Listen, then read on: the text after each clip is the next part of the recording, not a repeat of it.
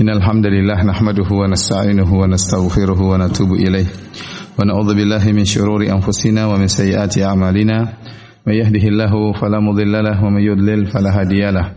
وأشهد أن لا إله إلا الله وحده لا شريك له.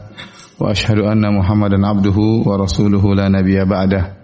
يا أيها الذين آمنوا اتقوا الله حق تقاته ولا تموتن إلا وأنتم مسلمون.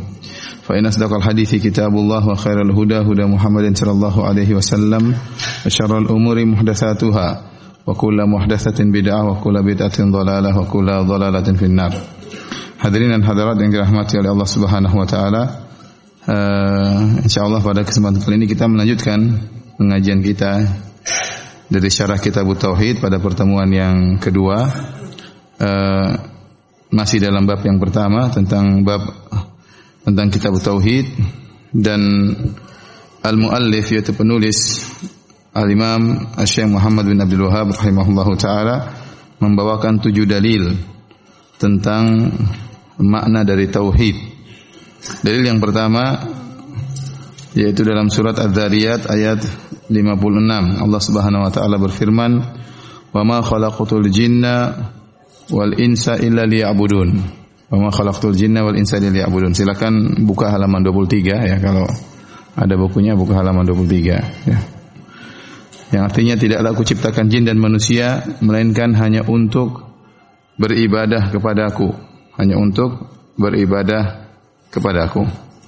Uh, firman Allah Subhanahu wa taala, "Wa ma khalaqtul jinna wal insa illa liya'budun." Tidaklah aku ciptakan jin dan manusia kecuali untuk beribadah kepadaku. Ini dalil bahwasanya jin dan manusia adalah mukallaf. Mukallaf yaitu diberi beban untuk beribadah kepada Allah Subhanahu wa taala.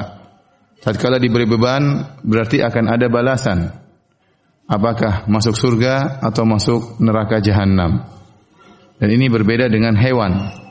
Kalau hewan tidak diberi beban. Yang diberi beban hanyalah jin dan manusia. Oleh karenanya jika jin dan manusia tidak menjalankan beban tersebut, tidak beribadah kepada Allah Subhanahu wa taala, tidak mentauhidkan Allah Subhanahu wa taala, maka sesungguhnya kondisi mereka seperti hewan. Ya, kondisi mereka seperti hewan yang tidak diberi beban. Ya, justru mereka akan lebih terhina daripada hewan. Ya, Allah Subhanahu wa taala berfirman dalam Al-Qur'an, "Walaqad dzara'na fi jahannama katsiran minal jinni wal insi lahum qulubun la yafqahuna biha wa lahum a'yunun la yubsiruna biha." walahum adhanun la yasma'una biha ulaika kal an'ami bal hum adall. Kata Allah Subhanahu wa taala, sungguh kami telah penuhi neraka jahanam dengan kebanyakan jin dan manusia. Mereka diberi hati namun tidak mereka gunakan untuk berfikir. Mereka diberi mata namun tidak mereka gunakan untuk melihat kebenaran. Mereka diberi telinga namun tidak mereka gunakan untuk mendengar kebenaran. Kata Allah, ulaika kal an'am dan mereka itu seperti binatang ternak. Kata Allah, balhum adal. Bahkan mereka lebih sesat daripada binatang ternak. Ya. Tatkala Allah telah memberikan tugas mulia kepada jin dan manusia untuk beribadah kepada Allah, lantas tidak dijalankan maka kedudukan mereka lebih parah daripada hewan. Oleh karenanya, tatkala di hari kiamat kelak tatkala hewan-hewan dikumpulkan oleh Allah Subhanahu wa taala ya uh, sebagaimana firman Allah Subhanahu wa taala wa idzal wuhushu husyirat tatkala binatang-binatang buas dikumpulkan termasuk binatang-binatang yang jinak juga dikumpulkan oleh Allah Subhanahu wa taala kemudian dikisos ya dikisos antara uh, hewan yang menzalimi hewan yang terzalimi ya. Kata Nabi sallallahu alaihi wasallam la tu'addunnal huquqa ila ahliha ya. Hatta yuktas asyad al-jalha min syat al-qarna atau kama qala Nabi sallallahu alaihi wasallam. Kata Nabi sallallahu alaihi wasallam kalian akan menunaikan hak-hak kepada pemiliknya. Sampai-sampai kambing yang tidak bertanduk akan mengambil haknya daripada kambing yang bertanduk. Karena waktu di dunia kambing yang bertanduk menanduk kambing yang tidak bertanduk. Maka pada hari kiamat kelak Allah akan menunjukkan di hadapan manusia bahwasanya Allah akan menunaikan hak, tidak ada hak yang hilang. Bahkan haknya hewan saja Allah kembalikan. Bahkan haknya haknya hewan Allah kembalikan. Buktinya hewan kambing yang tidak bertanduk, yang pernah ditanduk oleh hewan yang bertanduk akan diambil haknya dari hewan kambing yang bertanduk, ya. Apatah lagi hak-hak manusia. Kalau hak hewan saja Allah kembalikan. Dan saya ingatkan bahwasanya kalau hak kita diambil oleh orang atau hak kita dijatuhkan oleh orang, maka jangan khawatir, hak kita pasti kembali, pasti kembali di hari kiamat kelak. Jangankan hak manusia, hak hewan saja Allah kembalikan. Setelah hewan-hewan tersebut dikisos, dikumpulkan oleh Allah kemudian dikisos, kemudian hewan-hewan tersebut Kata Allah kuni turaba, jadilah kalian menjadi pasir, jadi tanah. Hewan-hewan tadi berubah menjadi tanah karena mereka tidak melanjutkan perjalanan menuju surga atau neraka karena mereka ghairu mukallaf. Karena mereka tidak dibeban, tidak diberi beban oleh Allah Subhanahu wa taala untuk beribadah kepada Allah. Waktu orang-orang kafir melihat hewan-hewan berubah menjadi tanah, maka mereka berkata, "Ya laitani kuntu turaba." Seandainya aku bisa seperti menjadi tanah seperti hewan-hewan tersebut.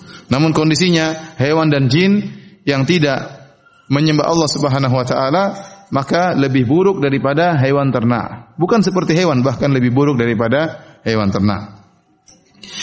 Dari sini kita tahu bahwasanya yang disuruh beribadah bukan cuma kita manusia. Jin-jin juga sering disuruh untuk beribadah. Disuruh beribadah oleh Allah Subhanahu wa taala.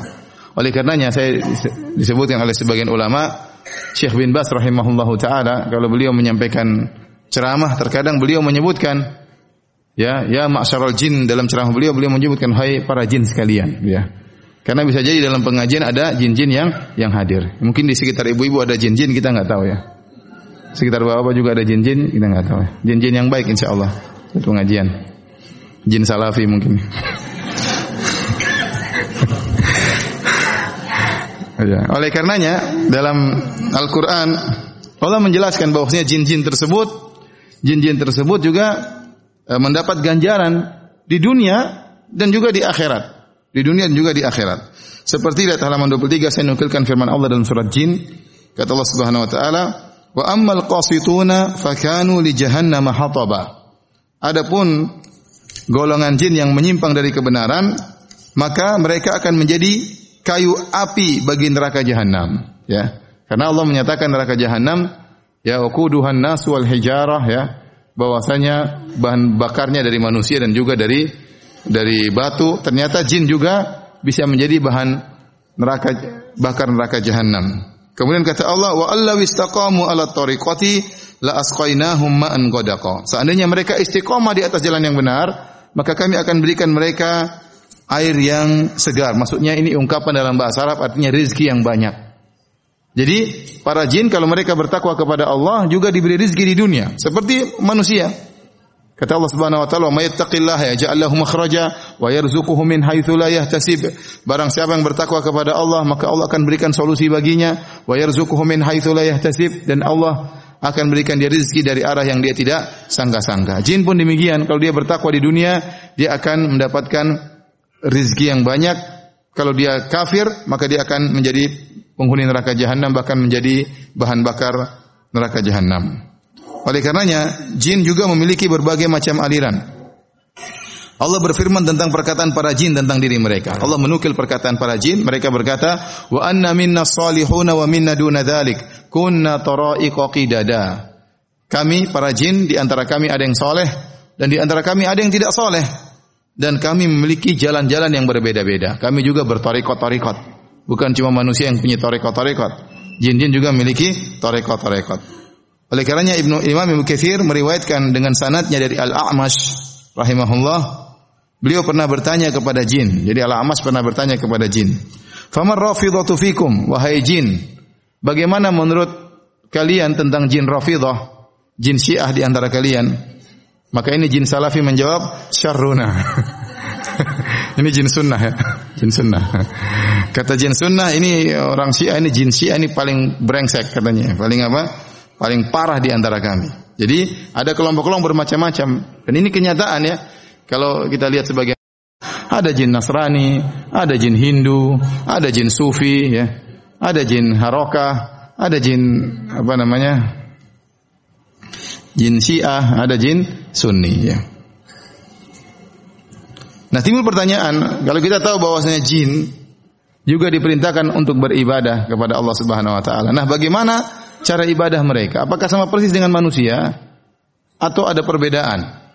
Maka para ulama usul, ahli usul fiqh telah menjelaskan hal ini. Mereka mengatakan ada khilaf di kalangan para ulama, tapi menurut pendapat al-muhaqqiqin yaitu para peneliti di kalangan para ahli usul fikih bahwasanya jelas ada perbedaan antara cara beribadah jin dan manusia meskipun secara global sama tapi secara detail pasti ada perbedaan mengingat kondisi jin dan manusia yang berbeda. Ya, mengingat kondisi jin, jin dan manusia yang berbeda. Apakah perbedaan mereka kita nggak tahu.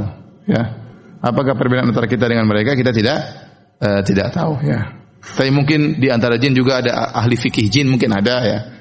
Ada ulama di kalangan jin mungkin juga mungkin juga ada ya. Ya, oleh karena tidak perlu kita tanya Ustadz jin uh, kalau buang angin wudhu atau tidak kita nggak tahu. Itu urusan para jin ya. Bukan urusan kita ya.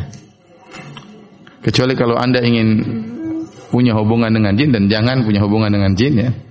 Khawatir terjerumus dalam berbagai macam kesyirikan. Intinya kita tidak perlu tahu karena itu bukan urusan kita. Dan kata Nabi sallallahu alaihi wasallam min husni islamil mar'i tarkuhu dan di antara keelokan Islam seorang meninggalkan yang bukan urusannya. Taib. Jadi kata Allah Subhanahu wa taala, "Ma khalaqtul jinna wal insa." Tidaklah aku ciptakan jin dan manusia illa liya'budun, kecuali untuk beribadah kepadaku. Nah, apa yang dimaksud dengan ibadah? Ibadah lihat halaman 25 kata Ibnu Taimiyah rahimahullahu taala, "Al-ibadah hiya ismun jami'un li kulli ma yuhibbuhullah wa yardah min al-aqwal wal a'mal al-batinah wal zahirah." Ibadah adalah suatu kata yang mencakup seluruh perkataan dan perbuatan baik lahir maupun batin yang dicintai dan diridhoi oleh Allah Subhanahu wa taala. Seluruh perkara yang dicintai oleh Allah maka itu adalah ibadah. Kalau kita kerjakan dengan penuh ketundukan, maka kita akan mendapatkan pahala di sisi Allah Subhanahu wa taala. Ini adalah definisi ibadah e, berkaitan dengan zat ibadah ya. Jadi semua yang dicintai oleh Allah baik perkara menjalankan ibadah tersebut harus tunduk Ya, Ibnu Taimiyah juga berkata tentang ibadah berkaitan dengan kondisi kita tatkala beribadah. Kata beliau, "Ismun yajma'u kamal adh-dhulli wa nihayatahu wa kamal al-hubbi lillah wa nihayatahu." Ibadah adalah satu nama yang mengumpulkan kesempurnaan ketundukan dan puncak dari ketundukan kepada Allah digabungkan dengan kesempurnaan kecintaan dan puncak kecintaan kepada Allah Subhanahu wa taala. Fal hubbul khali an dhullin oleh karenanya sekedar cinta tetapi kosong dari ketundukan atau sebaliknya sekedar tunduk tapi kosong dari rasa cinta maka itu tidak disebut dengan ibadah. Ibadah itu adalah mencakup antara dua perkara, puncak kecintaan dan puncak ketundukan. Nah, kita kalau beribadah kepada Allah kita tunjukkan hal tersebut. Benar-benar kita cinta kepada Allah dan benar-benar kita tunduk kepada Allah Subhanahu wa taala. Baik. Uh, di sini Allah mengatakan, "Wa ma jinna wal insa illa liya'budun." Tidaklah aku ciptakan jin dan manusia kecuali untuk beribadah kepada Aku, yaitu kecuali untuk mentauhidkan aku. Ya. Berarti kehidupan kita hukum asalnya adalah beribadah kepada Allah. Karena tujuan utama Allah menciptakan kita adalah untuk beribadah. Kenyataannya kita praktekkan dalam kehidupan kita sehari-hari, waktu yang kita gunakan untuk beribadah tidak banyak. Salat lima waktu, ya, taruhlah dengan wudhunya, dengan persiapannya sekali salat mungkin butuh 15 menit, 20 menit. Ya, taruhlah setengah jam, setengah jam kali lima cuma dua setengah jam. Ya. Kita baca Quran paling seperempat jam. Ya.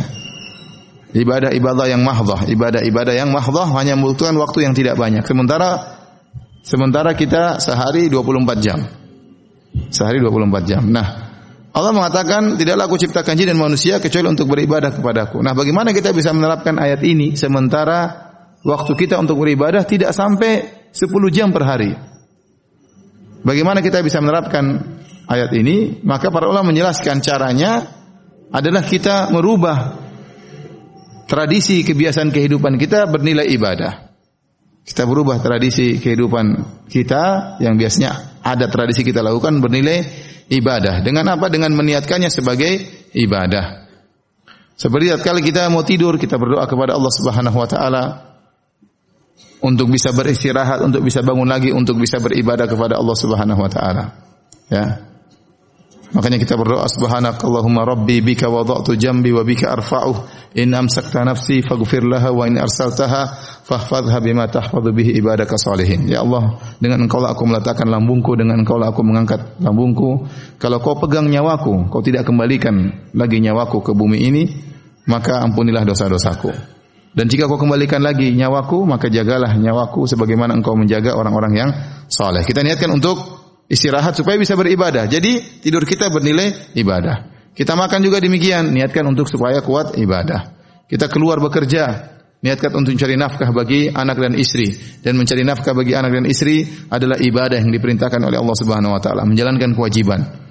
Jadi itulah perbedaan antara orang yang berilmu, orang yang ikhlas dengan orang yang tidak berilmu. Orang yang ikhlas yang berilmu perbuatan kesehariannya bisa bernilai menjadi ibadah. Sebagaimana kata Nabi SAW, Lasta tunfiku nafaqatan tabtaghi bi wajhallah illa ujirta 'alaiha hatta luqmata taj'aluha fi fimra'atik. Tidaklah engkau mengeluarkan infak, mengeluarkan uang, mengeluarkan biaya dengan engkau ikhlas karena Allah Subhanahu wa taala mencari wajah Allah kecuali kau dapat pahala sampai suapan yang kau suapkan ke mulut istrimu juga berpahala. Makanya di sini terutama para laki-laki, bapak-bapak sekalian ya, kalau kita keluar rumah hendak bekerja, niatkan saya menjalankan perintah Allah. Allah yang menyuruh saya cari nafkah buat anak istri. Maka ini semua bernilai pahala. Ibu-ibu juga di rumah ngurus ini, ngurus anak, niatkan pahala, niatkan saya menjalankan perintah Allah untuk patuh kepada suami, ya untuk mengurus keluarga, untuk mendidik anak-anak, semuanya berpahala. Dari sini kita tahu seorang mukmin 24 jam semuanya bernilai pahala. Seorang mukmin 24 jam sehari semalam semuanya berpahala di sisi Allah Subhanahu wa taala. Apalagi kalau ternyata dia di siang hari berpuasa misalnya, ya, baik dia berpuasa maka argo pahala jalan terus. Ya, dari dia berpuasa berbuka argo pahala jalan terus. Ya. Jadi kita berusaha menjalankan firman Allah. Wa khalaqtul jinna wal insa illa liya'budun. Tidaklah aku ciptakan jin dan manusia kecuali untuk beribadah kepadaku. Kita berusaha mengisi hari-hari kita untuk beribadah kepada Allah Subhanahu wa taala. Taib. Dalil kedua ayat halaman 28 Allah Subhanahu wa taala berfirman Wa laqad ba'atsna fi kulli ummatin rasulan an i'budullaha wajtanibu tagut Dan sungguh kami telah mengutus pada setiap umat seorang rasul yang menyuruh kepada kaumnya sembahlah Allah saja dan jauhilah tagut dan jauhilah tagut. Di sini sisi pendalilan dari ayat ini pada ayat yang pertama, "Wa ma khalaqtul jinna wal insa illa liya'budun", penulis Syekh Muhammad bin Abdul Wahab rahimahullah ingin menjelaskan bahwasanya tujuan kita diciptakanlah untuk beribadah kepada Allah. Nah, ibadah itu yang dimaksud apa? Ibadah yang dimaksud adalah tauhid. Karena dijelaskan oleh para nabi, seluruh nabi diutus kepada umatnya untuk mengatakan, "Ubudullaha wajtanibu tagut." Sembahlah Allah saja dan jauhilah segala bentuk tagut, segala bentuk kesyirikan. Dan tagut itu kullu ma ubida min dunillah, seluruh yang disembah selain Allah wa huwa radin dan dia ridha. Semua yang disembah kepada dari selain Allah itu adalah tagut dan banyak tagut di alam semesta ini ya. Ada syaitan, ada jin, ada dewa, Ya bahkan para nabi ditogutkan padahal mereka bukan togut, tapi ditogutkan disembah selain Allah Subhanahu wa taala. Wali-wali disembah ya, batu, pohon dan banyak macam. Maka itulah makna ibadah yang dimaksud Tujuan kita diciptakan adalah beribadah kepada Allah saja dan meninggalkan segala penyembahan selain Allah Subhanahu wa taala. Dan inilah seluruh tujuan nabi. Nabi seluruhnya diutus untuk menyeru kepada tauhid. Nabi seluruhnya diutus untuk menyeru kepada tauhid. Inilah fokus dakwah mereka.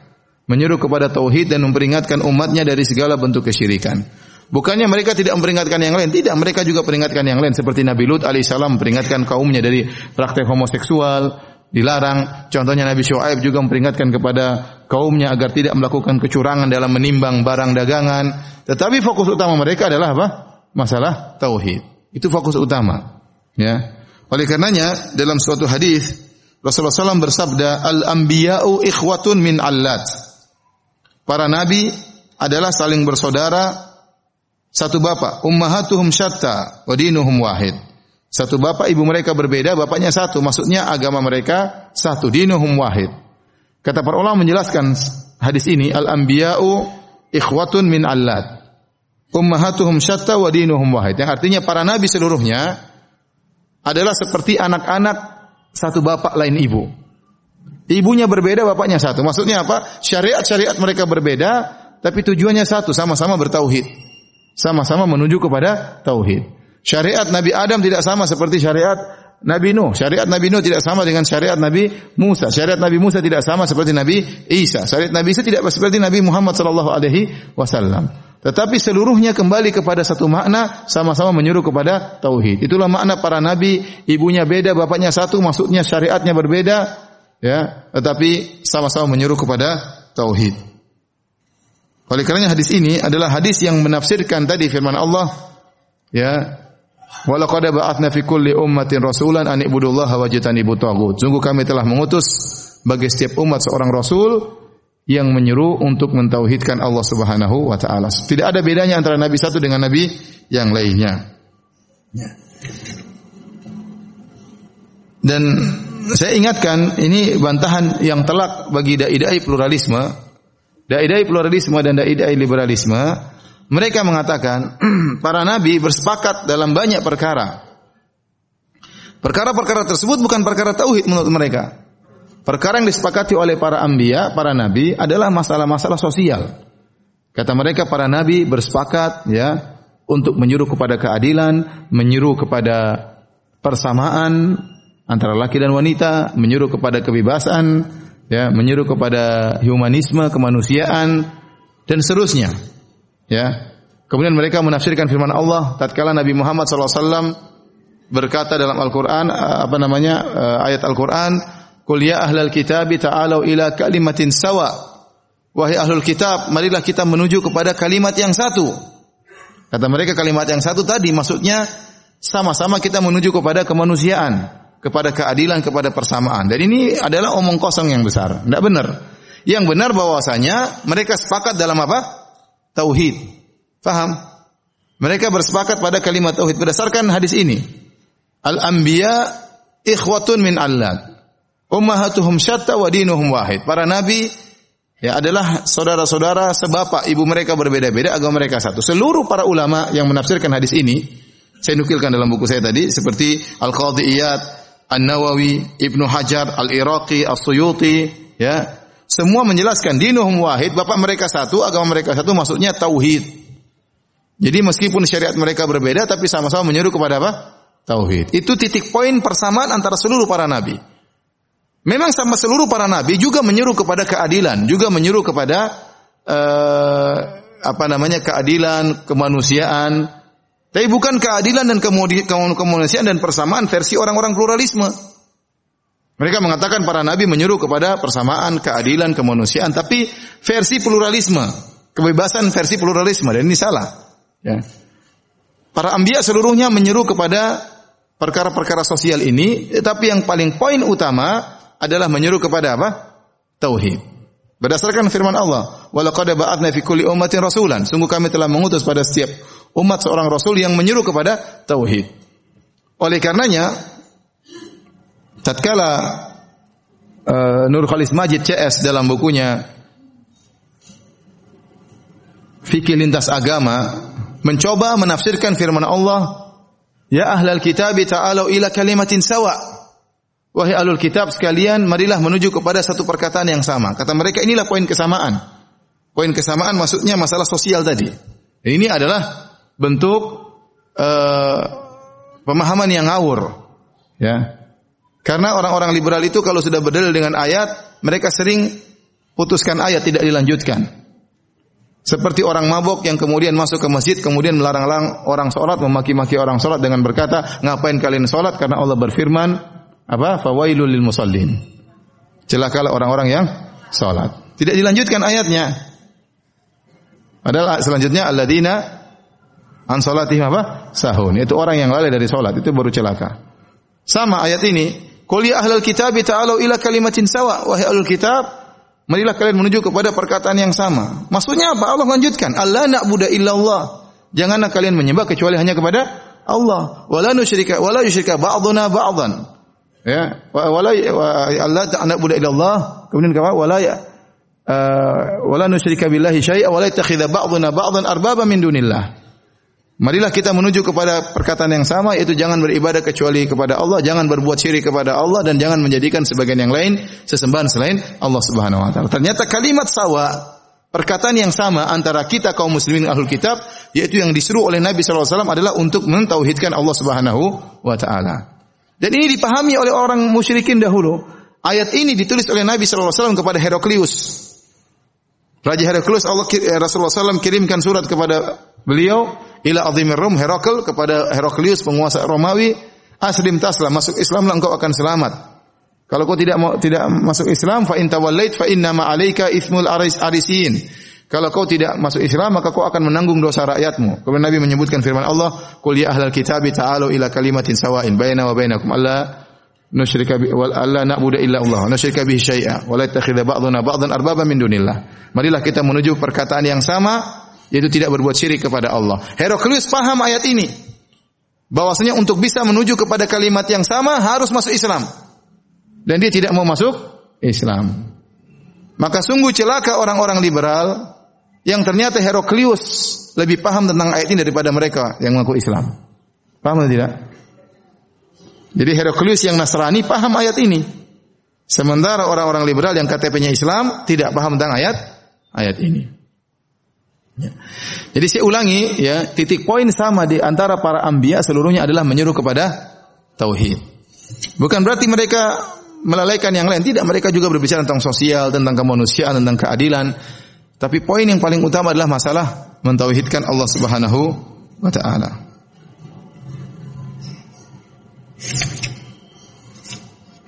Oleh karenanya orang-orang pluralisme ya merubah hakikat ini mereka berusaha menyuruh kepada persamaan dalam sosial, ya, sehingga mereka mengorbankan tauhid. Sudah kita nggak usah bicara tauhid, yang penting sama dalam masalah sosial. Ya. Kalau begitu percuma kerjaannya Nabi Sulaiman alaihissalam kirim surat kepada Ratu Bilqis ya. Allah ta'alu alayya wa'tuni muslimin wahai Ratu Bilqis kalian datanglah masuk Islam. Kenapa? Karena Ratu Bilqis sudah hidup makmur. Sudah hidup makmur sama rakyatnya, Nabi Sulaiman mengusik kemakmuran mereka. Nabi Sulaiman mengusik ikut campur dalam urusan mereka. Kenapa? Karena mereka menyembah mata matahari. Ya. Kalau seandainya yang disuruh adalah perkara dunia tok, yang ngapain Nabi Sulaiman kirim surat kirim surat kepada Ratu Bilqis? Ngapain Nabi SAW kirim surat kepada Raja Romawi Heraklius sementara mereka sudah menjalankan sosial kehidupan manusia mereka? Ya. Tetapi Rasulullah SAW mengusik ketenangan mereka karena mereka berbuat syirik kepada Allah Subhanahu wa taala. Nabi Sulaiman mengusik ketenangan Ratu Bilqis karena Ratu Bilqis menyembah matahari berbuat syirik kepada Allah Subhanahu wa taala. Baik. Kita lanjutkan uh, ayat yang berikutnya dari yang ketiga, lihat halaman 30. Kata Allah Subhanahu wa taala, "Wa qadara rabbuka alla ta'budu illa iyyahu wa bil walidaini ihsana." Dan Tuhanmu telah memerintahkan supaya kamu jangan beribadah kecuali hanya kepada Allah dan hendaknya kamu berbuat baik kepada ibu bapakmu dengan sebaik-baiknya.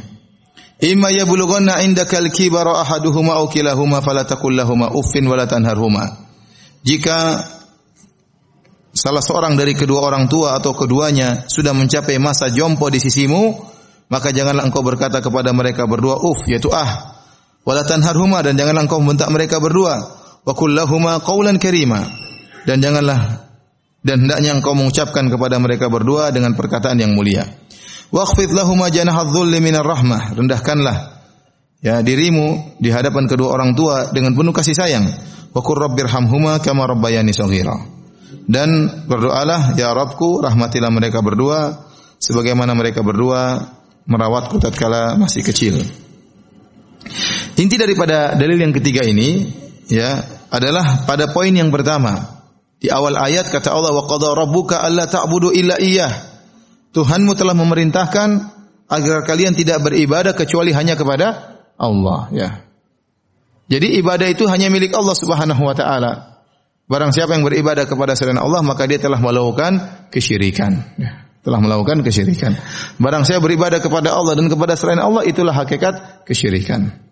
Barang siapa yang berdoa kepada Allah sekaligus berdoa kepada Nabi Isa, itulah kesyirikan. Barang siapa berdoa kepada Allah sekaligus berdoa juga kepada Nabi Muhammad SAW, itulah kesyirikan. Barang siapa berdoa kepada Allah kemudian sekaligus berdoa kepada wali, kepada mayat, itulah kesyirikan.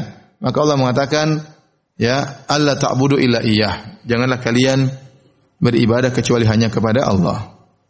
Setelah itu Allah berbicara tentang masalah kedua orang tua. Kata Allah, wabil walidaini ihsana.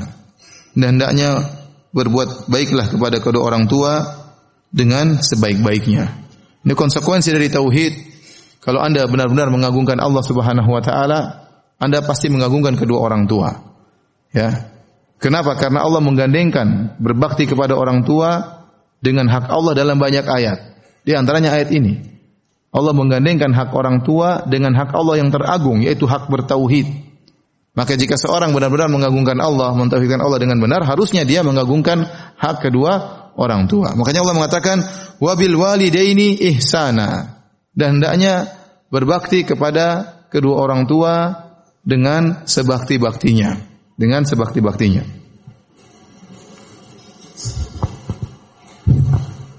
Ibu-ibu tahu bahasa Arab?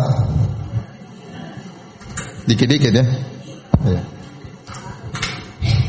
Kata Allah, wabil walidaini ihsana.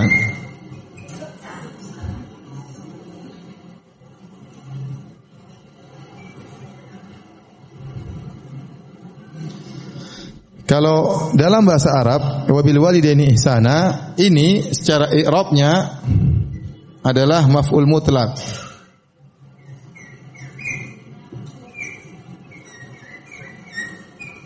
Maf'ul mutlak itu tujuannya bermacam-macam di antaranya adalah litakid.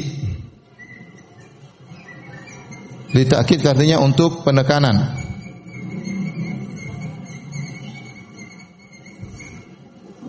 Ya. Contohnya saya berkata Dorobtu Dorobtu Muhammadan. Saya katakan saya telah memukul Muhammad. Artinya saya telah memukul Muhammad. Tetapi kalau saya tambah dorban, ini maful mutlak, berarti saya telah memukul Muhammad dengan sekeras-kerasnya. Dengan sebenar-benar apa? Pemukulan. Namanya dorob itu apa? Dorban. Sama. Wabil walidaina isana, asalnya adalah, secara asalnya dalam Al-Quran, tapi Allah singkatin harusnya begini. Wa ahsinu bil walidaini ihsana. Wa ahsinu. Ini fiilnya ini maf'ul mutlaknya. Jadi maknanya berbuat baiklah kepada orang tua dengan sebaik-baiknya. Jadi Allah tidak memerintahkan kita hanya sekedar berbuat baik kepada orang tua.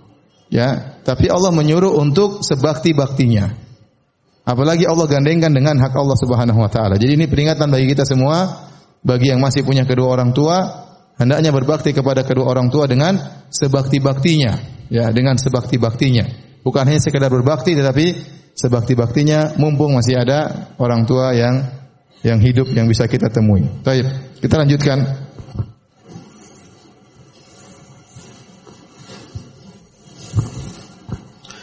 Oleh karenanya dalam banyak ayat Allah gandengkan antara hak Allah dengan hak kedua orang tua. Lihat halaman 31 saya nukilkan ya. Seperti dalam surat Al-Baqarah ayat 83. Kata Allah, "Wa id akhadna mitsaqa bani Israila la ta'buduna illa Allah wa bil walidaini ihsana." Dan ketika kami mengambil janji dari Bani Israel, yaitu janganlah kamu menyembah Allah, jangan kalian menyembah selain Allah, dan berbuat kebaikanlah kepada kedua orang tua. Ternyata perintah berbakti kepada orang tua bukan cuma dalam syariat Islam. Bani Israel pun dan nabi-nabi sebelumnya juga disuruh untuk berbakti kepada kedua orang tua. Bahkan di sini digandengkan dengan larangan untuk berbuat syirik. La ta'buduna ilallah, janganlah kalian ber, beribadah kecuali hanya kepada Allah dan berbaktilah kepada kedua orang tua. Demikian juga Nabi Isa. Waktu dia pertama kali bisa berbicara, apa dia katakan? Qala inni abdullah atani alkitaba wa ja'alni nabiyya wa ja'alni mubarakan aina ma kuntu wa awsani bis salati wa zakati ma dumtu hayya wa barram bi walidati wa lam yaj'alni jabbaran syaqiyya. Kata Nabi Isa, sungguhnya aku adalah hamba Allah. Allah berikan kepadaku kitab Injil. Dan Allah menjadikan aku berkah di mana pun aku berada. Dan Allah mewasiatkan kepadaku untuk sholat dan bayar zakat. Dan Allah mewasiatkan kepadaku wa barram bi walidati agar aku berbakti kepada ibuku. Walam yaj'alni jabbaran syaqiyya dan Allah tidak menjadikan aku sombong dan angkuh untuk tunduk kepada kedua orang tuaku. Allah larang Nabi Isa untuk sombong dan angkuh di hadapan orang orang tua. Kenapa? Kalau engkau sombong wahai Isa, kau akan syaqiyya, kau akan celaka. Kau akan celaka. Ya. Jadi uh, bukan cuma bukan cuma kita yang disuruh berbakti kepada orang tua, para nabi juga disuruh berbakti kepada kedua orang tua. Allah juga menggandengkan perintah bersyukur kepadanya dengan bersyukur kepada kedua orang tua. Anishkurli wali wali daika ilayyal masir. Bersyukurlah kepadaku dan berterima kasihlah kepada kedua orang tua. Allah suruh berterima kasih kepada Allah sekaligus berterima kasih kepada kedua orang tua. Harus tahu diri ya.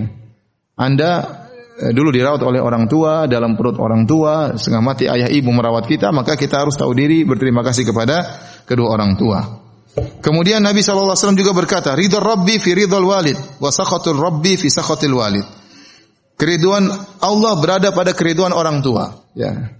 Dan kemurkaan Allah berada pada kemurkaan orang orang tua. Jangan sampai buat orang tua murka. Tapi buatlah orang tua ridho, ayah dan ibu kita ridho kepada kita. Tatkala ada seorang datang kepada Nabi Shallallahu Alaihi Wasallam, kemudian minta izin untuk berjihad, Nabi tidak izinkan. Dia datang lagi minta izin untuk berjihad. Maka Nabi tahu ibunya masih hidup, maka Rasulullah SAW berkata kepadanya, "Ilzam rijlaha fathammal jannatu." Lazimilah kaki ibumu, sungguhnya surgamu ada pada kaki ibumu. Ya, ini sering kita dengar surga berada pada kaki ibu. Dan itu ada hadisnya ya. Ilzam rijlaha fathammal jannah. Ya.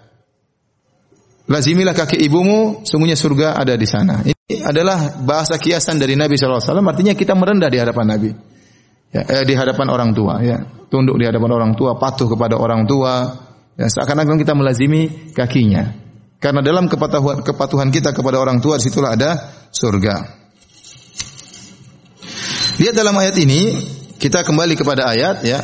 Allah Subhanahu wa taala berfirman lihat ayat halaman 30 ya. Kembali kepada ayat dan Tuhanmu telah memerintahkan supaya kamu jangan beribadah kecuali hanya kepadanya dan hendaknya kamu berbuat baik kepada ibu bapakmu dengan sebaik-baiknya. Jika salah seorang di antara keduanya atau kedua-duanya sampai berumur lanjut dalam pemeliharaanmu. Jadi indaka itu dalam pemeliharaanmu.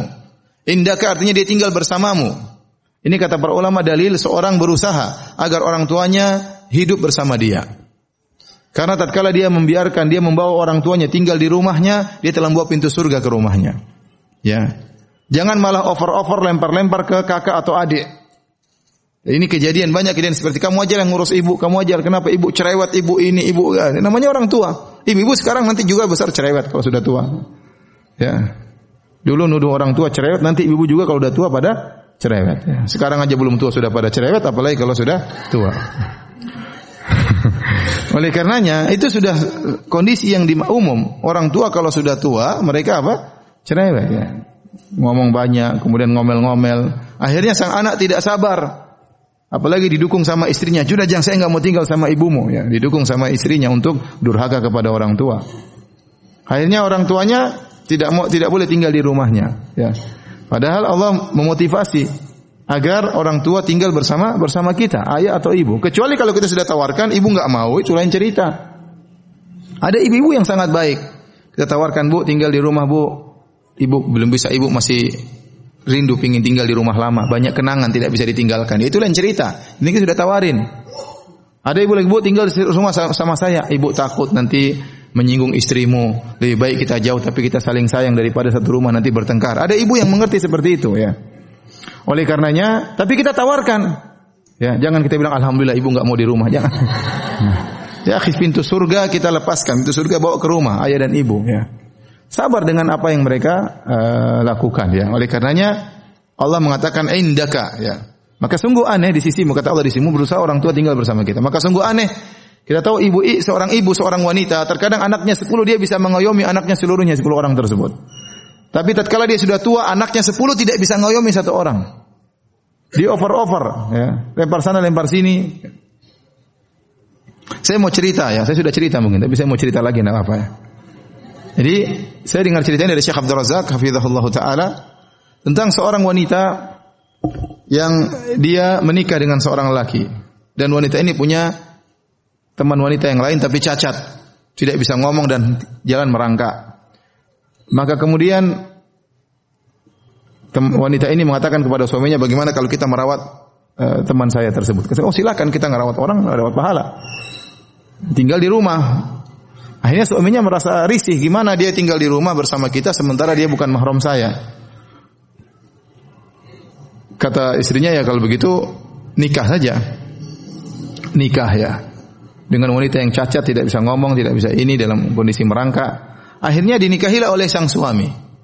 Ya, istrinya senang suaminya menikahi uh, wanita tersebut supaya bisa tinggal di rumah.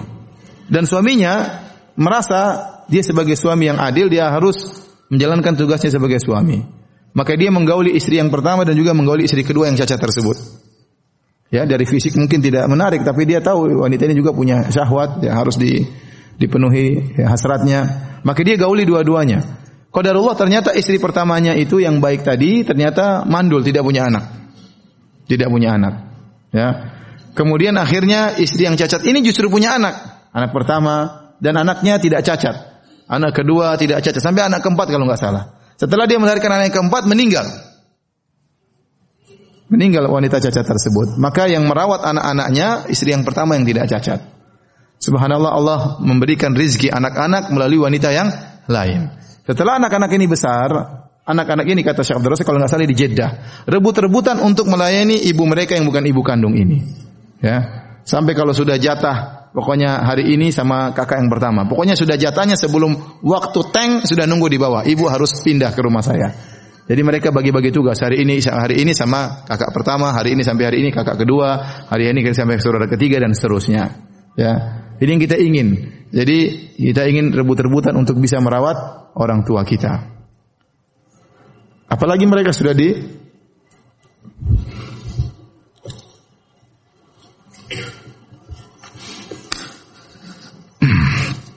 uh, hadirin dan hadirat yang dirahmati oleh Subhanahu wa taala. Jadi seorang berusaha mengizinkan orang tuanya untuk tinggal bersamanya kecuali kalau orang tuanya tidak mau dengan alasan tertentu maka kita hormati perasaan orang tua ya. Karena orang tua juga punya pandangan sendiri punya pendapat sendiri. Yang penting kalaupun mereka tidak tinggal bersama kita kita harus tetap terus uh, menyokong membantu dengan semampunya.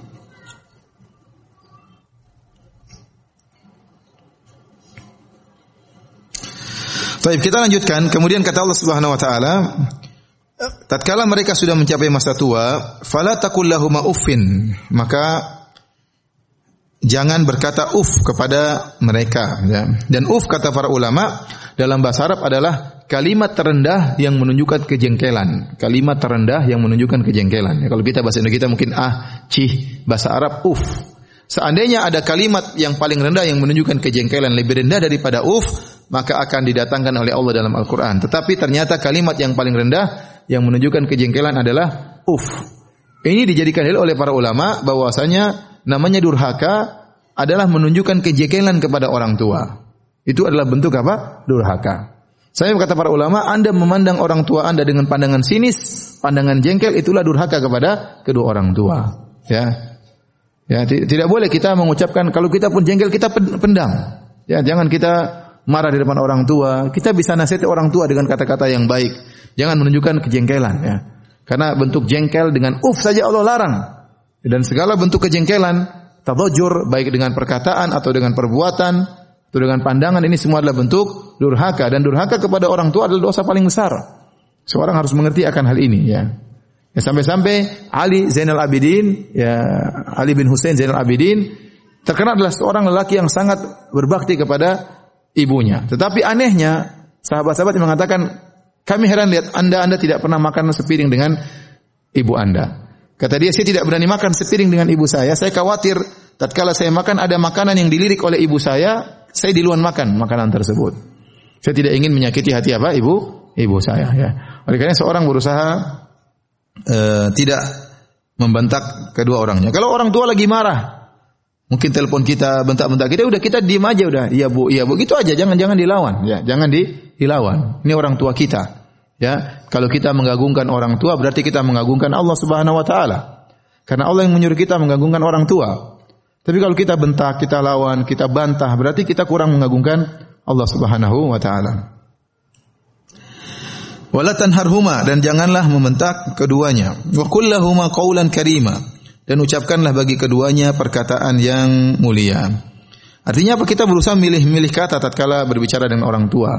Sebagaimana kalau kita bisa memilih-milih kata tatkala berbicara dengan teman, berbicara dengan kawan, berbicara dengan bos, berbicara dengan ustadz dengan kata-kata yang enak, maka orang tua lebih utama. Anda menghormati orang tua lebih utama daripada menghormati ustadz, ya. Ya, tidak ada dalilnya dalam Al-Qur'an menghormati ustaz, ada dalilnya? Enggak ada. Tapi Al-Qur'an menghormati orang tua banyak dalilnya, ya. Kalau kita berbicara dengan orang dengan ustaz, dengan ustaz, assalamualaikum ustaz, mohon maaf saya punya pertanyaan. Kita bisa mengatur kata dengan baik. Kenapa dengan orang tua tidak bisa? Ya. Kenapa dengan orang tua tidak bisa? Maka kita berusaha merendahkan diri ya di hadapan orang tua, jangan angkuh. Ada seorang alim ulama, ya, uh, kalau tidak salah namanya Mansur bin Mu'tamir, ya. Dia memiliki murid-murid ya ngajar ilmu hadis ya. Uh, tatkala tiba-tiba dia lagi mengajar murid-muridnya, ibunya keluar dengan suara keras mengatakan, "Wahai Mansur, si fulan menghendaki engkau untuk menjadi hakim dan kau tidak mau fata'ba dan kau tidak mau dibentak oleh ibunya." Ibunya orang awam, sementara Mansur orang yang alim. Maka Mansur hanya menundukkan kepalanya. Sama sekali tidak berani menatap ibunya. Ya, Ini tidak mengatakan, Bu, ibu nggak ngerti ya. Kalau jadi hakim itu berat. Bisa masuk neraka gara-gara jadi hakim. Saya tidak mau jadi hakim. Dia tidak mau ngomong begitu, dia diam aja. Ya. Maka jangan kita merasa angkuh di hadapan ibu kita. Ibu kan ngerti, ibu kan dulu jadul. Kita kan zaman sekarang lain ya. Jangan samakan dengan zaman ibu, enggak. Ibu nggak ngerti tentang masalah masalah kerjaan, ibu nggak ngerti. Udah kita kalau kita tolak dengan bahasa yang halus, jangan merendahkan, jangan sekali sedikit pun mengucapkan kata-kata yang menunjukkan kita merendahkan apa? Orang tua. Tidak ngertilah, tidak inilah, tidak pahamlah, jangan. Meskipun Anda sudah mencapai gelar tertinggi, Anda harus menghormati kedua orang tua. Eh, Al-Imam Abu Hanifah rahimahullah taala punya ibu ya. Pernah bertanya punya masalah bertanya kepada Al-Imam Abu Hanifah. Dan Abu Hanifah sudah berfatwa dia tidak mau dengar. Kata ibunya saya tidak mau dengar kecuali dari si fulan. Si fulan itu di masjid pandai berorasi tapi ilmunya tidak kurang, ilmunya kurang. Dan orang yang paling alim di zaman tersebut al-Imam Abu Hanifah. Semua orang tahu yang paling alim Imam Abu Hanifah. Ya. Makanya ada perkataan ulama ashadun nasi fil alim ahluhu. Orang yang paling kurang menghargai seorang alim biasanya keluarganya sendiri. Biasanya keluarganya sendiri, ya. Ada seorang ustadz mungkin orang-orang hormat sama dia, tapi mungkin dia diomel-omel sama kakaknya, diomelin sama adiknya, diomelin sama istrinya, diomelin sama orang tuanya. Padahal sama orang lain semuanya hormati dia, semuanya orang ya, tapi demikianlah kenyataannya. Terkadang orang alim itu yang paling kurang menghargai dia adalah keluarganya sendiri. Nah, Imam Abu Hanifah rahimahullahu taala orang alim terkenal dan ibunya tahu dia alim tapi ibunya tidak mau dengar fatwanya, maunya dengar dari orang lain. Maunya dengar dari orang lain, orang itu karena pintar berorasi mungkin ibunya senang dengar ceramahnya padahal ilmunya nggak ada. Akhirnya dia minta Abu Hanifah untuk ngantar dia. Abu Hanifah ngantar, ngantar ke orang alim tersebut. Mungkin orang alim yang masih ceramah, Abu Hanifah mungkin duduk mendengarkan. Ya bayangkan orang alim, ulama besar dengar ceramah orang yang yang ilmunya kurang ya. Setelah itu Abu Hanifah datang kepada orang alim tersebut mengatakan wahai fulan ini ibu saya mau bertanya kepada engkau tentang suatu permasalahan. Loh, kau nggak tanya sama kamu? Dia maunya sama kamu. Ya udah, makanya saya antar dia karena dia ingin bertanya sama kamu. Akhirnya ya sudah, apa sih? Ibunya tanya kepada orang ini, eh gimana ada masalah begini-begini, bagaimana jawabannya? Kata orang ini, menurut anda bagaimana Abu Hanifah? Apa fatwa kalau begini? Kata Abu Hanifah jawabannya gini. Kata ya itu jawabannya kata. jawabannya itu. Jadi tapi Al-Imam Abu Hanifah dengan tawaduknya menemani ibunya. Ya. Padahal dia tahu jawabannya dan dia tahu kapasitas orang tersebut tidak memiliki ilmu dibandingkan dengan dengan dia. Tetapi karena rendah hati di hadapan ibunya, maka dia pun membantu ibunya. Ya. Seperti ada juga kisah di zaman Utsman radhiyallahu anhu ada seorang salaf yang dia memiliki uh, korma. Waktu itu korma lagi mahal. Korma lagi mahal. Tiba-tiba ibunya ingin makan jumar. Jumar itu jantung korma. Diambil dari batang korma. Kalau ingin diambil jumar tersebut, korma tersebut harus ditebang dibelah, diambil jantung korma dan enak. Jadi harus mati dulu. Ibunya tahu-tahu ingin makan tersebut sementara korma lagi mahal-mahalnya. Maka dia pergi ke pohon korma tersebut, dia tebang kormanya untuk ambil jumarnya untuk dikasihkan kepada ibunya. Orang-orang pada mencela dia. Kamu kok tahu korma lagi mahal, kok malah dirusakin ditebang? Kata dia, ibu saya lagi pingin makan ini dan kebetulan saya mampu. Saya khawatir suatu saat ibu saya ingin sesuatu, saya tidak mampu menghadirkannya. Oleh karenanya ikhwan dan akhwat, kalau ibu kita ingin sesuatu dan ibu kita jarang minta-minta ya. Ya, kita juga harus ngerti, jangan tunggu ibu minta. Apa yang ibu kira-kira orang tua kita, bapak kita, ibu kita memerlukan dan kita mampu kita sediakan tanpa harus meminta. Orang tua terkadang punya rasa malu untuk minta kepada anaknya, sementara kita nggak punya malu kalau minta sama orang orang tua. Ya. Ya kalau kita tahu kira-kira dia butuh ini, bu, kita tawarkan, bu, mau ini enggak, mau ini enggak, enggak, enggak, ini. tanya tawarin terus. Jangan tunggu dia minta, dia punya harga diri juga. Ya, jangan tunggu dia minta. Kalau kita mampu kita sediakan sebelum dia dia minta. Kalau pas dia lagi minta berarti lagi kepingin. Kalau kita punya kita penuhi. Jangan kita tunda-tunda, ya. Jangan kita tunda-tunda. Karena ada suatu saat ibu kita minta sesuatu, ayah kita minta sesuatu, kita nggak mampu. Ada suatu saat ibu kita nggak bisa lagi minta sama kita, dia sudah meninggal dunia. Ya. Oleh karena mumpung dia masih hidup, masih meminta kepada kita, ini pahala luar biasa. Lebih daripada bersedekah kepada anak yatim, daripada dakwah kepada yang lain, ini paling top ini bersedekah kepada orang tua. Pahala paling besar. Maka orang harus cerdas, tahu pintu surga mana yang paling besar. Pintu surga paling besar adalah berbakti kepada kedua orang tua, menyenangkan hati kedua orang tua. Ya. Tapi hadirin hadirat yang dirahmati oleh Allah Subhanahu wa taala, maka berusaha seorang lemah lembut kepada orang tua berkata-kata yang terbaik. Kata Allah, "Wakhfid lahum janaha dzulli minar rahmah." Rendahkanlah dirimu dengan penuh kasih sayang kepada kedua orang tuamu. Wa qur rabbirhamhuma kama rabbayani shaghira. Dan doakanlah kedua orang tuamu selalu, "Ya Rabbku, rahmatilah mereka berdua sebagaimana mereka berdua merawatku tatkala masih kecil." Ingat itu, ya. Ingat doa ini. Kama rabbayani shaghira. Sebagaimana mereka berdua merawatku tatkala masih kecil. Ya. Mungkin kita lupa dulu kita kecil seperti apa. Ya. Ya, kita lupa dulu kita, tapi saya rasa kenangan kita masih ada. Orang tua yang gendong kita, orang tua yang nyuapin kita, orang tua yang mandikan kita. Saya rasa kenangan kita belum hilang meskipun kita sudah berumur sekian. Itu tidak boleh kita lupakan. Kalau Anda lupa bagaimana kebaikan orang tua Anda waktu masih kecil, ingat bagaimana istri Anda sekarang tatkala mengandung putra Anda, ya. Tahu bagaimana susahnya istri Anda. Demikianlah ibu Anda dulu seperti itu. Kita bisa rasakan kalau anak kita sakit luar biasa, oh, istri kita nangis nangisnya luar biasa, tidak bisa tidur, ya, ya susah, ya maka orang tua dulu kira-kira seperti seperti itu ya. Saya punya anak saja sekarang umur dua setengah tahun, Abdul Razak ya. Kemarin beberapa hari yang lalu panas ya. Semalam nggak bisa tidur. Nanti tahu-tahu gini, Umi, Umi, suruh gosok-gosok. Ini pinter suruh gosok-gosok. Kata istri saya, kayak nenek-nenek aja digosok. Tapi istri saya nggak bisa tidur akhirnya. Jadi dikit dia minta apa? Digosok. Di sini eh, orang tua kita dulu seperti itu. Gosok-gosokin apa ya? Gosok-gosokin anak kita waktu masih kecil. Dulu kalau kita uh, kalau kita takut, siapa yang kita teriakin? Pasti mama ya nggak ada kita bilang ya Allah ya Robi nggak ada dulu. Dulu kita teriak apa? Mama. Kalau udah peluk mama kayaknya dunia ini milik kita semuanya sudah. Ya. Sekarang kita lupakan orang tua kita yang mungkin sudah jompo, sudah tua. Tidak boleh seperti itu ya. Jadi kita berusaha berdoa dan sebagian bahkan sebagian salah mengatakan setiap kita sholat setelah tasyahud jangan lupa baca doa ini. Rabbi gufirli wali walidayya warahmuma kama rabbayani saghira. Ya berusaha dalam setiap sholat karena orang yang paling utama kita doakan adalah kedua orang tua kita ya. Ya, kedua orang tua kita. Dan baik mereka masih hidup maupun setelah meninggal meninggal dunia. Tayyib, kita lanjutkan hadis yang eh, atau dalil yang keempat. Kata Allah Subhanahu wa taala, "Wa'budullaha wa la tusyriku bihi syai'a." Sembahlah Allah saja dan jangan berbuat syirik sama sekali kepada Allah.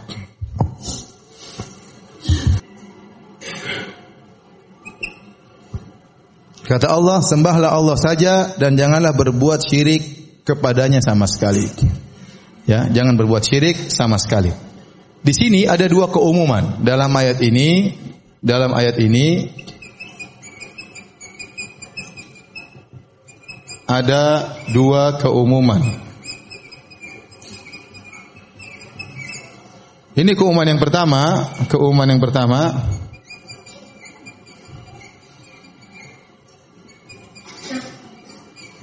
Dan ini keumuman yang kedua.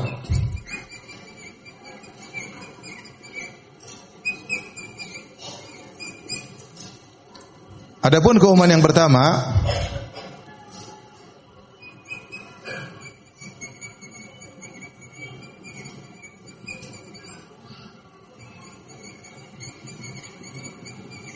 Ada kaedah dalam uh, usul fikih bahwasanya setiap fiil, setiap kata kerja ini verb kata kerja dia pasti mengandung masdar, masdar dan waktu.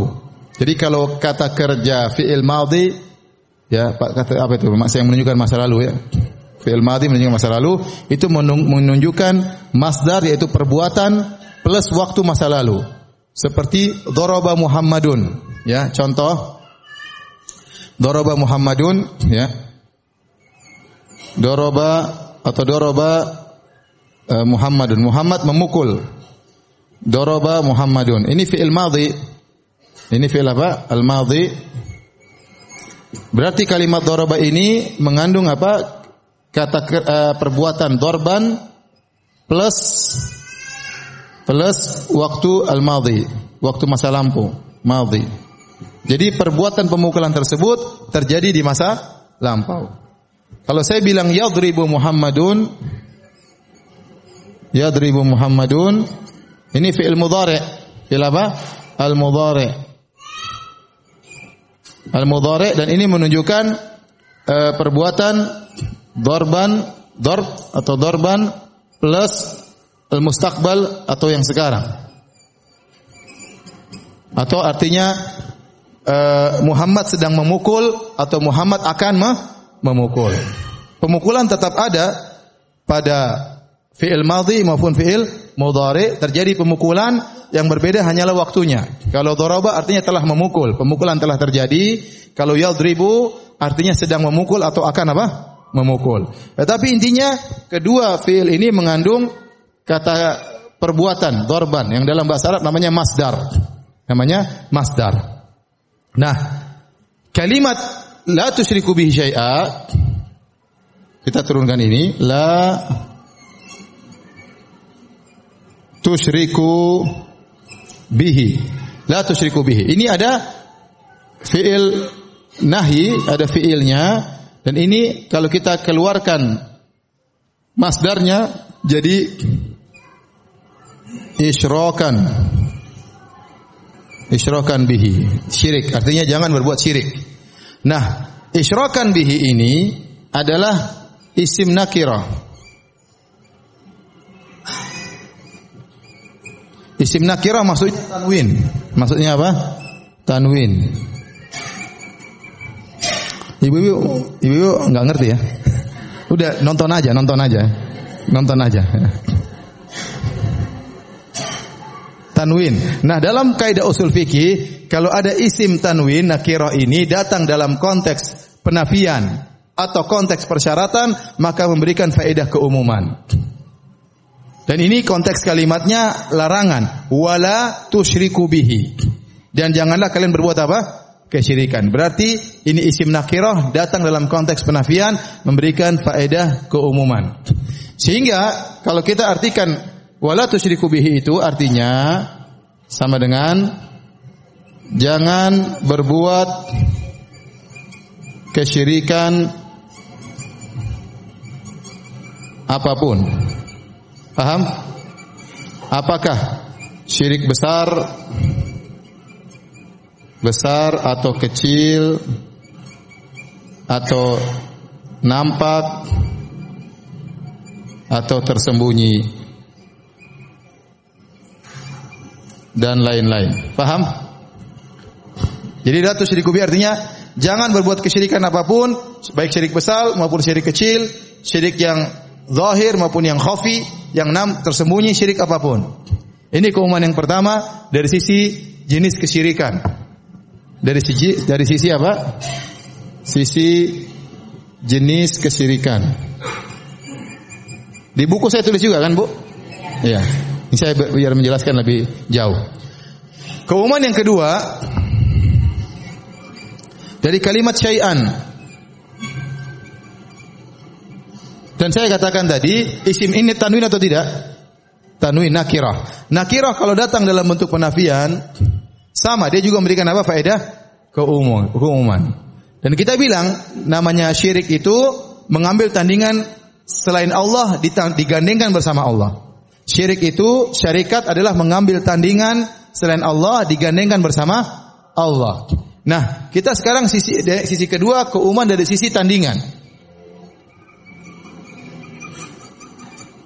Dari sisi ya siapa? Tandingan. Bagi Allah.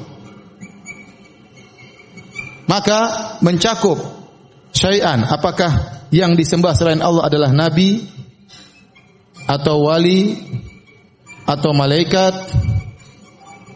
atau jin? Apa lagi? Pohon. Terus pintar ibu-ibu ya apa lagi Hah? pohon batu kemudian apa bata kemudian apa Hah? Sunan apa lagi? Habib, siapa lagi? Hah? Kebanyakan dan lain-lain. Paham?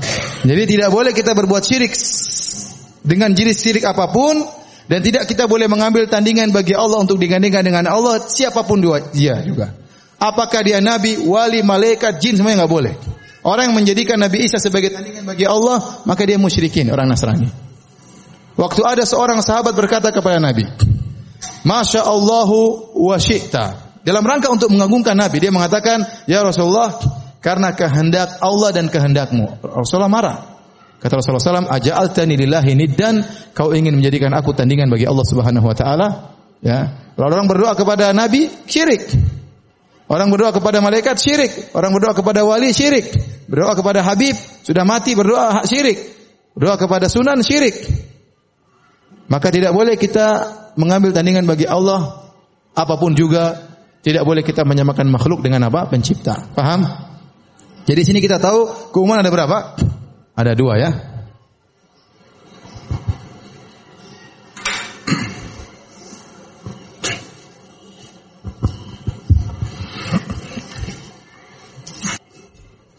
Sudah Ibu? Sudah ya sampai sini aja ya. Jangan lama-lama nanti hang. Belum hang? Ah, yang benar aja.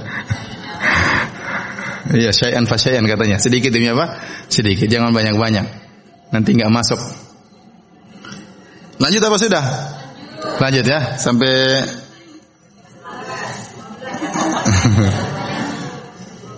Sepuluh menit lagi. Taib. Habis ini tanya jawab, nanti biar tahu ya bahlul atau enggak akan ketahuan.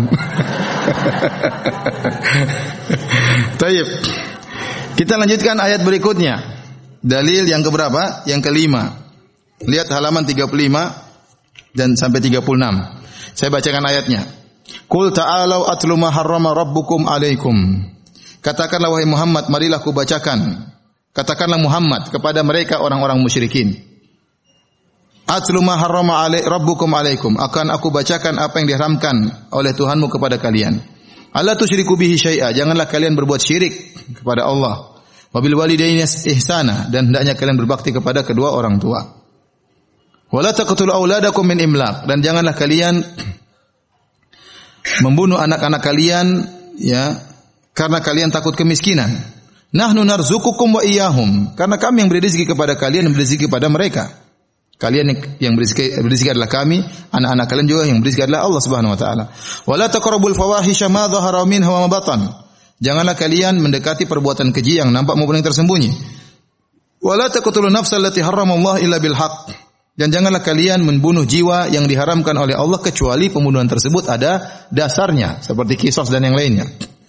Dzalikum wasaqum bihi la'allakum taqilun. Demikianlah Allah mewasiatkan kepada kalian agar kalian berfikir. Wala taqrabu malal yatimi illa billati hi ahsan hatta yablugha ashuddah. Dan janganlah kalian mendekati mengolah harta anak yatim kecuali dengan pengolahan yang terbaik sampai sang yatim sudah mencapai dewasa. Wa auful kaila wal mizana bil qist. Dan penuhilah timbangan dan takaran dengan adil. La nukallifu nafsan illa wus'aha dan kami tidak membani seorang di luar kemampuannya. Wa idza qultum fa'dilu walau kana dha qurba. Jika kalian berucap maka ucapkanlah dengan keadilan meskipun terhadap karib kerabat. Wa bi ahdillahi aufu dan tunailah tunaikanlah janji Allah. Dzalikum wasaqum bihi la'allakum tadhakkarun. Inilah wasiat yang Allah berikan kepada kalian agar kalian um, ingat. Wa anna hadha sirati mustaqiman fattabi'uhu. Dan inilah jalanku yang lurus maka ikutilah. Wa la tattabi'us subula fatafarraqu bikum an sabili.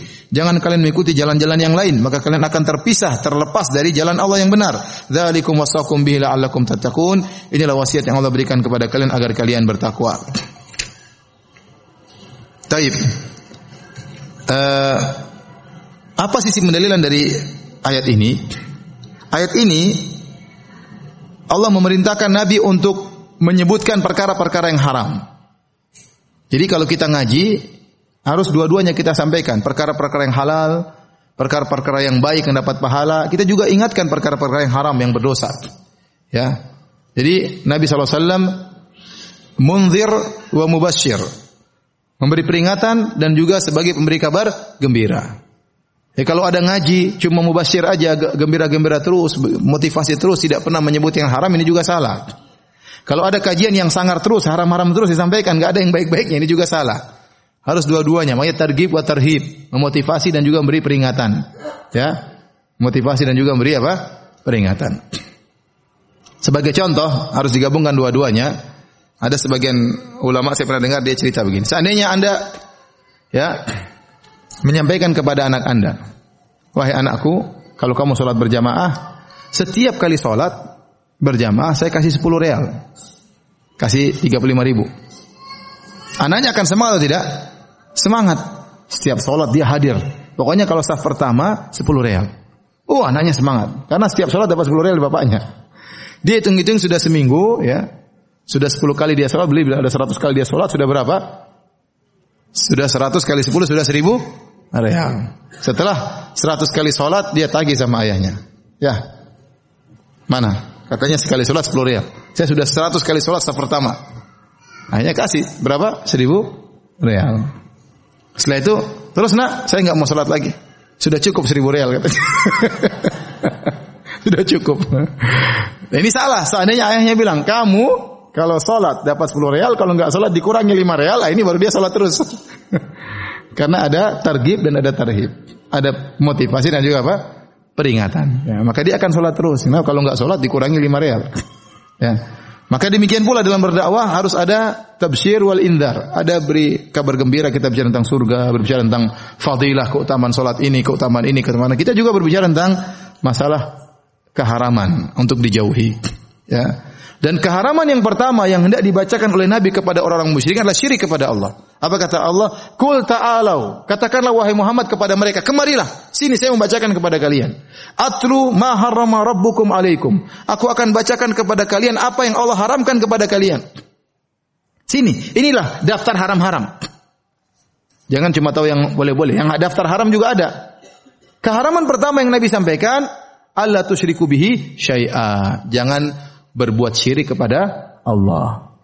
Jadi kalau kata para ulama tauhid adalah awalul wajib alal mukallaf, perkara yang paling pertama harus diketahui oleh orang yang ditugaskan oleh Allah untuk beribadah, harus tahu yang pertama wajib adalah tauhid. Maka saya katakan juga perkara yang pertama yang harus diketahui yang haram adalah apa? Kesyirikan. Seorang harus paling ngerti tentang tauhid dan juga paling harus ngerti tentang masalah kesyirikan. Ya. Makanya kalau kita buka surat Al-Baqarah dari ayat pertama, maka pertama larangan yang datang dalam surat Al-Baqarah kita baca Al-Qur'an dari Al-Fatihah dan seterusnya adalah larangan kesyirikan. Pada ayat 21. Ya ayuhan budu. Perintah pertama tauhid. Yang pertama cerita alif lam mim dzalikal kitabul raiba fihi hudal muttaqin. Kemudian seterusnya, seterusnya, seterusnya cerita orang munafik, orang munafik, seterusnya sampai kemudian datang perintah pertama tauhid. Ya ayuhan nasu budu rabbakumul ladzi khalaqakum walladzina min qablikum la'allakum tattaqun. Wahai manusia sekalian sembahlah Rabb kalian telah menciptakan dan mencipta orang sebelum kalian agar kalian bertakwa. Alladzi ja'ala lakumul arda firasya was samaa'a binaa'a wa anzala minas samaa'i ma'an fa akhraja bihi minas thamarati rizqan lakum.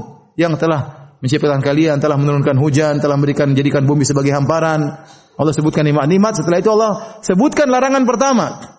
Fala taj'alu lillahi andadan wa antum ta'lamun. Kalau begitu perkaranya, janganlah kalian mengambil tandingan-tandingan bagi Allah. Jangan kalian berbuat kesyirikan Padahal kalian tahu segala, segala kenikmatan, segala rezeki dari Allah Subhanahu wa taala. Jadi kesyirikan adalah keharaman yang pertama yang harus diingatkan. Lihat di sini, setelah itu Allah menyebutkan dosa-dosa besar.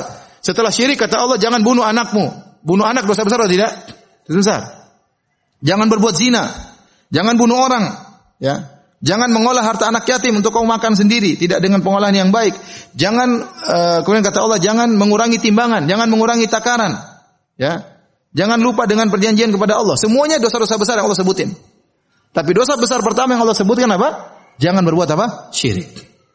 Yang menajubkan dari ayat ini, ibu-ibu perhatikan dan bapak yang, yang dirahmati Allah Subhanahu wa taala. Perhatikan, Allah menyebutkan tentang rentetan keharaman-keharaman. Di sela-sela rentetan keharaman Allah selipin satu perintah. Berbaktilah kepada kedua orang tua. Ya atau tidak? Coba perhatikan ayatnya. Katakanlah Muhammad, marilah aku bacakan apa yang diharamkan kepadamu oleh Tuhanmu. Janganlah kamu persukan sesuatu dengan dia. Berbuat bakti kepada orang tua itu haram apa harus? Harus. Ini perkara harus Allah selipkan di tengah-tengah berbagai macam keharaman. Artinya, ya, jangan durhaka kepada orang tua. Ya, bahasanya sama, jangan durhaka kepada orang tua, tapi Allah menggunakan lafal perintah, berbaktilah kepada kedua orang tua. Padahal maksudnya jangan durhaka kepada orang tua. Ya. Karena kalau tidak kalau durhaka mungkin banyak orang tidak lakukan, tapi berbakti orang banyak tidak lakukan. Orang mungkin tidak maki-maki ibunya tapi pelit sama ibunya. Benar. Ya tidak? Kalau maki-maki ibunya mungkin enggak, tapi kalau pelit iya. Maka perintahnya berbuat baik kepada orang tua, bukan hanya tidak memaki orang tua, tetapi berbuat berbuat baik kepada kedua orang tua. Jadi tidak mungkin seorang akan mengenal tauhid dengan benar kecuali setelah mengetahui lawannya. Ya, setelah mengetahui lawannya mengetahui tauhid dan juga harus mengetahui kesyirikan. Tapi sampai di sini saja, Ibu yang dirahmati Allah Subhanahu wa taala, uh, kurang lebihnya saya mohon maaf. Subhanakallah bihamdik asyhadu an la ilaha illa anta astaghfiruka wa atubu ilaik. Assalamualaikum warahmatullahi wabarakatuh.